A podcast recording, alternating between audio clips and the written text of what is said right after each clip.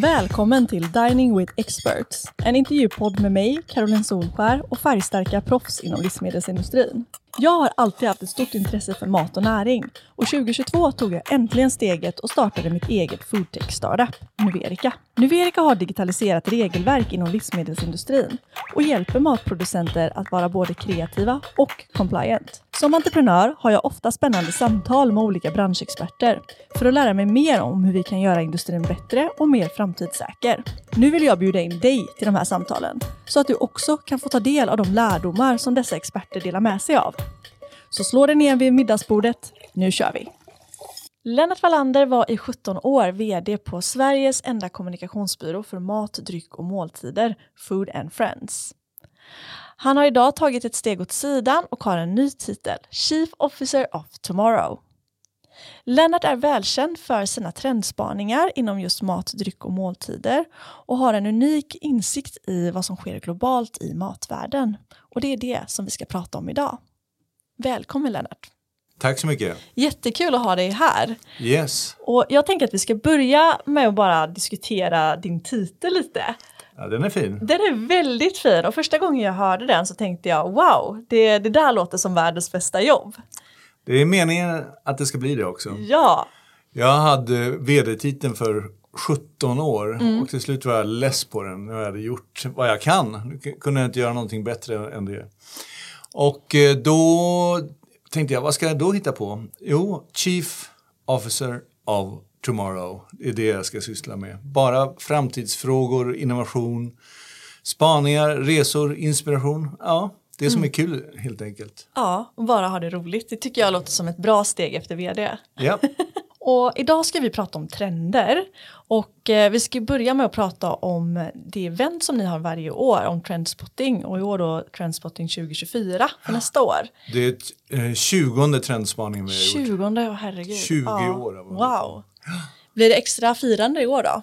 Ja, det blir det. Eh, vi har bjudit in eh, några kollegor från både Sverige och från England och från USA som gör inlägg i det hela, som drar liksom roten, eller rummet kan vi kanske säga, mm. för en, en, trend och sen så fortsätter jag på det så kommer nästa eh, hälsning och så vidare. Och så vidare. Okay. så att eh, det blir lite inslag både från, från Europa och från världen. Och vad, vad är det för trender som tas upp? Det här är ju ett tufft år. Det är liksom ett, en eh, del av det vi kallar permakrisen, den eviga krisen. Vad kommer att bli värre och värre och värre och värre? Tar det aldrig slut? Hur har det här påverkat oss? Eh, jag ville undersöka i det här, liksom, hur var det 2019? Hur ser det ut 2023? Vad har hänt däremellan och vad kommer hända efter? Så att eh, det bland annat har man sett att man lägger om inköpen. Vi köper mer EMV, egna märkesvaror, än tidigare. Vi köper mer på kampanj än tidigare. Och eh, vi har börjat odla själva faktiskt så att det betyder någonting. 37 mhm. procent av befolkningen odlar just för att sänka sina matkostnader. Och det kanske är lilla, lite örter, lite potatis eller lite tomater. Men eh, i alla fall, mm. liksom, man har börjat liksom minska sina matkostnader genom att göra en egen täppa. Mm. Ha, coolt. Ja. Och under eventet så pratade ni om fyra stycken olika stora trender. Vilka var de? Ja, det ena är just den här eh, permakrisen mm. som man kan säga. Och det, de andra följer väl egentligen därpå. Det är att ur permakrisen så föds det en nostalgi, en längtan tillbaka. Det är väldigt naturligt i kriser att först vill man, man vill bort därifrån men först vill man bakåt. Det var ju så bra som det var innan. Mm. Sen kanske man kommer till insikt att det var inte så bra utan vi måste gå framåt och då blir det mer en framåtriktning. Så att nostalgi är första steget. Det andra är eh, att vi, som vi kallar the me mentality. Att man har inte råd att vara lika omsorgsfull och, och liksom empatisk under tuffa tider. Eh, vår, vår moral, det är någonting vi bara har råd med i goda tider helt mm. enkelt. Så att mer själviskhet tyvärr, mer eh, egoism dyker upp. Det finns exempel på det, till exempel Ungdomsbarometern har mätt att eh, det går ner med antirasism, feminism och eh, klimatsmarthet. Okay. Minskar bland de yngre målgrupperna. Mm -hmm. Och den sista är happy. Mm. Som jag tycker är liksom väldigt mänskligt att vi i alla mörka tider liksom försöker hitta någonting som är positivt, hitta ljuset i mörkret. Och eh, det kan vara mat som är på det sättet och det kan vara eh, bara som jag tycker är ett kul exempel, ehm, en kaffekedja i London, eller i England, som heter Puccinis. De har kaffe som alla andra, de har choklad, de har bakverk som alla andra, men de har ett tilltal som är helt unikt. Så till exempel bara ett, en kaffekopps budskap var We have corrected people saying espresso since 1972. Och liksom just det där retsamma brittiska tonläget på mm. allt de gör har gett dem en eh, enorm följarskara. Mm. Och när man tittar på de här olika stegen då, handlar det om att man liksom mer som individ går igenom de här faserna eller är det mer att vi liksom på en, en samhällsnivå tillsammans går igenom de här faserna? Jag tittar på det som individ, mm. men jag tittar på det både liksom för retail, det vi gör hemma, och hur det funkar på krogen. Mm. Och eh, det är väldigt tufft på restaurangsidan. Eh, jag skulle säga man kan tycka det är dyrt där, men det kunde varit mycket värre. Mm. Medan en matlåda som du tar med hem, hemifrån, den har gått upp 20 i bara det senaste året. Går du och köper dagens lunch så har det bara gått upp 9 Mm. Så relativt har du sparat 11% Så ju mer du går ut och äter, äter desto mer relativa pengar sparar du. Det där låter som uh, girls math. Har ja, du hört om det? Verkligen. alltså, det här är väl foodies math. Ja, precis. och, eh, som sagt, du har ju haft de här trendeventen nu i 20 år. Ja. Vad var det som fick dig att dra igång dem från början? Det var en kund som beställde det från oss. Sa, okay. Kan inte ni skriva en trendspaning åt mig? Uh. Uh, ja, det kanske vi kan. Ingen aning. Och så gjorde vi det och så var det ganska bra. Uh. Och eh, sen så då tänkte vi, då gör vi det för oss själva också. Och när man tittar tillbaka på det 20 år tillbaka, det är så fruktansvärt dåligt. När man tittar på det nu. Och det är väl tur det, för då har man utvecklats under åren. Ja, absolut. Men det började i väldigt liten skala. Vi hade 30 pers på kontoret som kom och vi var jätteglada för det. Mm. Oh, 30 pers, hurra! bjöd på, på vin och sånt i köket. Och nu är det event, vi hade 450 anmälda på At Six mm. eh, nu senast. Och eh, över 100 i Malmö. Ja, det är jättehäftigt. Och jag tycker också att för mig då som ändå har varit i, ja, men i livsmedelsindustrin nu i ungefär två år så är det här någonting man hör väldigt mycket om och många okay. pratar om då är så här, ah, nu är det dags för trendspaningen igen. Så det känns ju verkligen som det är någonting som men, är en liksom etablerad del av den här industrin. Det är, ja, det är väldigt smickrande. Ja. Väldigt kul att du säger det. Men det blir liksom bara, själva eventet är ju också liksom en, en mötesplats för branschen. Mm. Eh, nu kom det inte riktigt 450 men det kom 350, någonting sånt tror jag. Men där möter man sina gamla kollegor och man kanske möter sina framtida kollegor också. Mm. Så det, är liksom, det är viktigt att gå på det, att träffa sitt folk, veta vad som är på gång, umgås. Mm. Verkligen. Och om man då tittar på de här fyra trenderna som tas upp, vad, vad kan man liksom då ta med sig från det? Alltså om man antingen är en restaurangägare, en krögare eller om man driver ett livsmedelsföretag. Det jag tänker är att det här ska ge nya idéer till, till, till folk för att ja, utveckla sina produkter, utveckla sina tjänster. En del saker är lite tokiga, en del saker är, är kanske lite väl prosaiska. Men eh, jag brukar säga det, vad är, vad är funktionen av en trendspanare? Eh, en diskjockey den får kroppen att dansa och en eh, trendspanare får kanske hjärnan att dansa. Mm. Att de här idéerna ska man kunna ta sig med och tänka, jag gör det här istället till mitt företag eller jag gör det här till min restaurang imorgon. Och hur gör du själv för att hitta nya trender?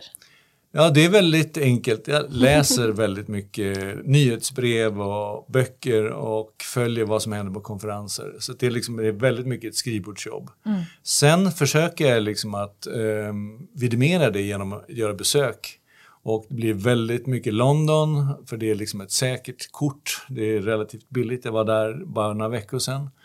Eh, och det händer väldigt mycket, men det kan också vara i USA, det kan vara i andra delar av Europa och eh, även i Asien. Eh, men det blir mer pengar, mer tid som går om man mm. åker åt det hållet förstår. Så mycket ändå så här, läsa mycket, resa och se saker så att man får vara, upp, liksom vara där. På sig de här rätta glasögon hela tiden, ja. att vara på, på span.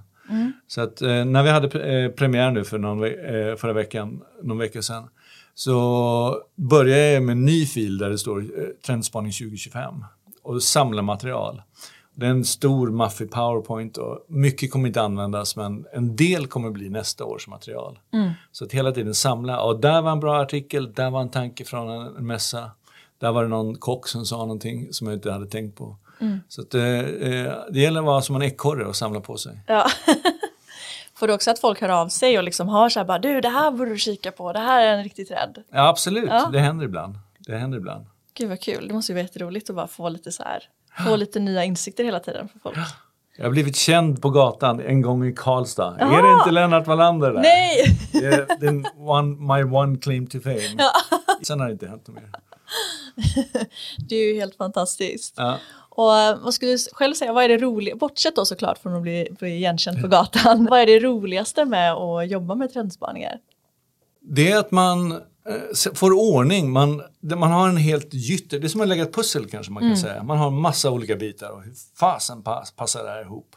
Så börjar man se att det finns lite himmel, det finns lite, lite hav, det kanske finns en byggnad någonting. Man bygger ihop de här olika pusselbitarna så att det blir en sjok av det hela. Och sen så bygger man ihop det hela till att det blir en helhet. Så att det är väl en, en sortering och, och liksom eh, analysering av det hela som är spännande. Och, och sen ska det skrivas och förpackas, vilket är kul också. Så att det är väldigt mycket eh, av jobbet är att göra en bra förpackning så man kan ge mycket information på en timme. Eh, det är massivt, man ska känna sig trött. Det är mål, målsättningen. Fylld, uppfylld, inspirerad.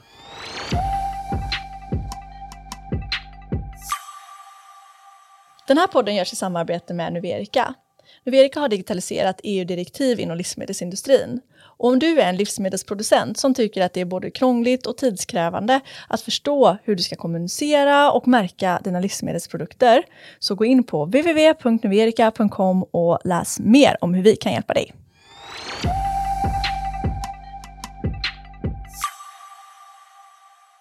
Varför är det så viktigt med trendspaningar då? Vad är det liksom, varför behöver vi dem? Det är det vanliga liksom, arméutropet, utan spaning ingen aning. eh, du har den perfekta produkten nu oavsett vad du säljer. Utan någon kommer göra likadant eller bättre om du inte eh, gör någonting själv. Så att eh, ha känselspröten ute, där våra trendspaningar som vi säljer, det är liksom ett sätt att ta åt sig vad som händer. Men eh, jag tror att man behöver mycket mer om man driver en, en livsmedels, om man är livsmedelsproducent eller driver en restaurang. Vad är det som är på gång? Man måste hela tiden liksom följa med och gärna överträffa de andra. Och vad, vad har du för tips om man vill göra det? Alltså bortsett då såklart från era trendspaningar, vad finns det mer för sätt att liksom hålla sig uppdaterad? Eh, Det är ett sätt som jag har gjort, det är liksom att eh, skaffa grupper där vi är likasinnade som, som träffas. Jag har bra utbyte med, med till exempel Trend-Stefan som han heter i, i Sverige. Han heter Stefan Nilsson men kallas Trend-Stefan. Och eh, han och jag brukar gå och eh, prata om olika saker. Han är mest inne på inredning och, och lifestyle som han säger. Eh, mat är väl en del av det hela men vi är inte konkurrenter utan vi är mer kompletterar varandra. Så att han ger mig några åh, konstiga idéer och jag försöker ge honom någonting tillbaka och sånt där. Och sen så med eh, en kollega Mike eh, i Storbritannien, vi mässar dagligen, liksom, har, har du sett det här? Cara, lite mindre så, hon är i USA. Men eh, hon, hon kan göra sina utryckningar då, då och då också. Ja men det där är ju jättesmart, hitta liksinnande och liksom dela med sig. Ja. Så att eh, det är liksom, innan trendspaningen så åker jag till London så hänger jag med Mike en en dag och så säger han this is shit. Have you seen this? Så att eh, han är väldigt konstruktiv. Har du någon så här, alltså, favorittrend nu? Någonting som du bara så här, antingen så kanske har varit med ett tag som du känner att det verkligen börjar liksom, ja, men, slå till nu eller om det är någonting som är ganska nytt som du bara det här känns väldigt intressant.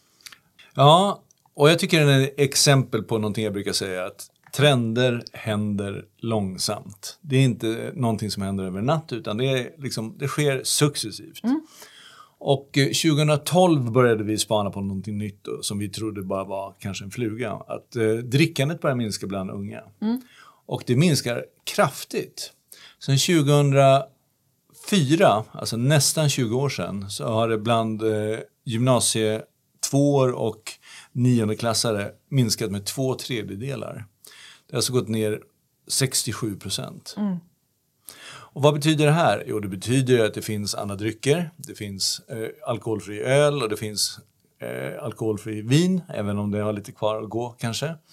Det finns alkoholfri sprit. Men oftast är det bara att man har tagit en befintlig produkt, i alla fall i konceptet, och tagit bort alkoholet. Det behöver inte vara så att man extraherar det, men man utgått i idén från en gin kanske eller någonting sånt. Nu kommer en ny form av drickande som inte blir, man blir berusad av men som ändå ger en effekt. Man blir lite lugnare av det. Och de påverkar GABA-molekylerna eh, in, in, i kroppen på liknande sätt som alkohol gör det, men du blir inte berusad. Och det här är någonting som, eh, en produkt som heter Sentia Red som säljs i Storbritannien i buti vanliga butiker. Det är inte receptbelagt, det är inte eh, liksom någonting speciellt med det, utan det, du kan gå in i Planet Organic och köpa Sentia. Och den eh, är någonting som kommer lanseras eh, i Europa nu tror jag framåt. Och okay. det tycker jag är spännande. Och då kan man helt utan, utan risk för, för eh, påföljder liksom om man kör eller om man ammar eller, eller någonting mm. sånt, ta en riktigt god drink. Mm. Och känna sig avslappnad. Ja. Jag skulle tagit med mig en flaska Ja, eller hur? Så kan sitta och chillas lite. Ja men det låter ju jättehäftigt och jag menar det märker man ju själv, alltså både framförallt i unga men också att det liksom stiger upp i åldrarna, att det är fler och fler människor som väljer att liksom inte dricka alkohol ja. eh, på grund av liksom, ja, de negativa effekterna av det. Ja. Det är ganska många kändisar som, jag vet inte om det styr eller inte, men det är ganska många kändisar som eh, går ut och säger nej, jag behöver inte alkohol, mm. mår bara dåligt av det. Mm. Varför ska jag hålla på med det? Ja, Finns det något, och om man tittar åt andra hållet istället, finns det några så här, vad ska man säga, fallgropar i trender? Alltså någonting som liksom någonting som folk gärna liksom kanske ser som en trend som inte riktigt är en trend eller liksom finns det några misstag man kan begå när man börjar titta på trender? Det är väldigt lätt att eh, för, förstora upp saker och göra dem större än, än vad man tror. Det, mm. det där kan jag inte alltid garantera att det blir rätt. Brukar ta som ett exempel på att jag en gång spanade på bränd mat. och det var oerhört korkat gjort. Varför ska man, det bli en trend överhuvudtaget? Det finns absolut så att man sotar en citron eller man, man, eh, ja, man serverar blackened finns det inom cajun-kulturen eh, och sånt där. Men det har ju bara negativa effekter med sig med, med cancerogener och sådana saker. Mm. Så att, eh, jag har gjort min beskärda del, beskärda del av dumheter också. Ja. Men det måste man ju också göra för att hitta de riktigt bra grejerna. Så måste ja. man ju pusha gränserna lite. Just då tyckte jag det var en briljant idé. Ja. Det, dök upp, eh, det var då det dök upp drinkar med aktivt kol. Liksom. Ja just det ja. Mm. Så det kopplar väl ihop det på något ja, sätt. Ja, ja. Det, man drack dem för att de tog med sig mycket orenheter mm. från magen ut där. Ja. Kommer du ihåg dem? Jag minns, alltså aldrig att jag smakade eller så, men jag minns att det var mycket liksom, snack om det ett tag. Ja, precis. Var sju, åtta år sedan. Ja. ja, och om vi nu går tillbaka lite till de här trenderna som vi diskuterade i början och det som du liksom ser nu när det kommer till liksom hela det här kris, liksom, livet i kris på något sätt. Mm. Eh, vad, eh, vad tror du är liksom som då livsmedelsföretag eller restaurangägare nu, vad är liksom de bästa sakerna man kan ta med sig från det om man ska få några så här liksom mer handfasta tips på liksom vad man skulle kunna liksom, hur man kan använda sig av de här trenderna för att liksom lyckas framåt även fast det är krisigt. Till livsmedelsföretagen skulle jag vilja säga, montera inte ner era innovationsavdelningar. Eh, nu har vi en EMV-andel som är uppe på 31 procent tror jag, där den var 27 innan pandemin. Vilket i och för sig är lågt jämfört med Europa, men det är ändå det högsta vi har haft i Sverige. Så att det, det måste, självklart, ni vet det här, eh, det måste finnas skäl för att betala mer än för en EMV. Det måste finnas någonting som är extra utvecklat, bättre på något sätt. Vad ska det vara? Ta inte bort det. Eh, konkurrera inte på pris, det kommer inte funka. Mm. Och som konsument kanske man kan ta med sig att även om det är tufft, att man har mindre pengar, så finns det olika sätt att vara happy för små medel. Förra året pratade jag om någonting som heter the lipstick effect. Mm. Det betyder att man har inte råd med de stora utgifterna, men man kan unna sig de små. Till exempel ett läppstift. Um, vid 9-11, när planen flög in i Twin Towers, Estée Lauder har aldrig sålt så mycket läppstift som då. Mm. Då behövde man verkligen någonting som piggar upp alla fall lite. Ja, ja men det, det där har jag hört många gånger just att liksom, ja, men det lipstick-effekt och hur, hur sådana små saker blir så viktiga när man, när man, är, liksom, ja, men när man är i en kris. Ja, Eh, På något sätt så känns det ju så man kan inte riktigt tro det när man hör det men samtidigt så är det väl sant att man själv kanske så här, jag har också hört att liksom även om nu men livsmedelspriserna går upp och, och man som konsument blir mer och mer liksom medveten så går ändå liksom hur mycket godis och chips och sånt man köper går upp för att det blir det man då unnar sig liksom. ja. tyvärr så går eh, grönsak, frukt och grönt går ner och godis och läsk går upp. Ja. Ungefär 7 procent vardera. Så att eh, vi är nu fetare än någonsin enligt Folkhälsoinstitutet och eh, andelen grav fetma ökar. Så att eh, vi behöver verkligen komma ur den här krisen nu och ta tag i, i sådana saker som vi har skippat under flera år nu.